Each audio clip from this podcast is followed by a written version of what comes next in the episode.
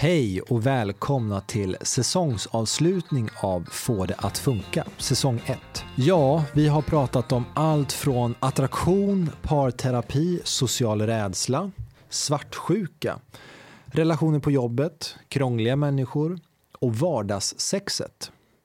Jag själv tycker att avsnittet Lika barn leka bäst har varit mest intressant. Och för mig har det handlat om att du både kan vara lik din partner men också olik. Och kanske det viktiga handlar om att man har samma värderingar och samma tankesätt kring relationen. Så det tar jag med mig.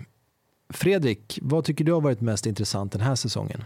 Det har naturligtvis varit en massa saker som har väckt tankar under den här omgången. Inte minst tycker jag hur roligt vi har haft i studion när vi har pratat om, om de här frågorna som ändå liksom, de är på ett plan väldigt djupa men på ett plan också väldigt praktiska. Och jag tycker om att vi kan röra oss mellan det som är praktiskt, vad ska jag göra här och nu?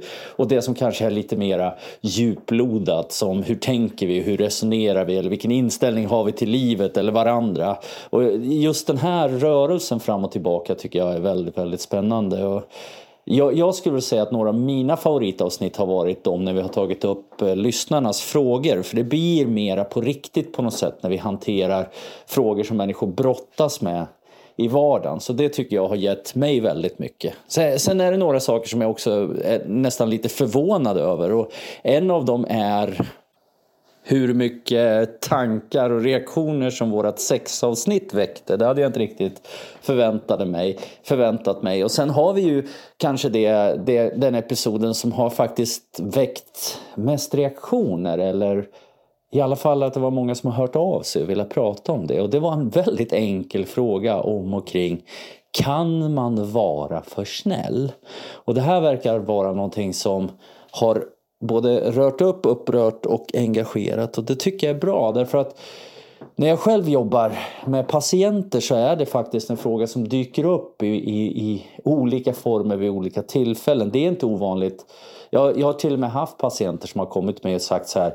Jag vill gå i terapi. Varför? För att jag vill förändra någonting. Vad är det du, du vill förändra? Säger jag. vill bli mer elak, säger de. Och då när man börjar rota i det så upplever de att deras liv inte fungerar eller inte går i den riktning de vill för att de är för snälla. Men med det sagt så jag tycker det är mycket det är roligt att vi kan röra oss över sån bredd av ämnen. Vi har ju pratat relationer och vi har pratat livspussel och vi har pratat utmaningar och jag ser fram emot nästa säsong när vi kanske ska försöka fördjupa några av de frågor som vi har pratat om här. Vi har ju pratat om att gå vidare från vardagssex till att prata sex och snusk och vi kanske ska diskutera hur hanterar man jobbiga människor i sin omgivning? Vad gör man med besserwissers eller med surpuppar eller med negativister? Kanske också prata lite grann om vad skiljer de ögonblick när jag är en bra version av mig själv?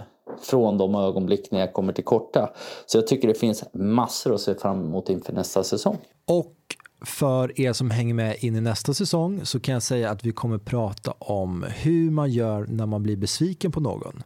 Vi kommer också prata om bonusfamiljer eller stjärnfamiljer, vad man väljer att kalla det. Vi kommer prata om hur det är när man kanske inte är så sugen på att träffa sin släkt.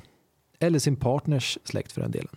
Och självklart finns det möjlighet att ställa fler frågor i frågelådan. Och det tycker vi är väldigt roligt när ni skickar in frågor till oss som vi kan ta upp. Och vi ser också att det är ganska många frågor som är lika varann. Och bara det är intressant. Med det sagt så skulle jag vilja säga tack och hej från mig och Fredrik. Ha det gott!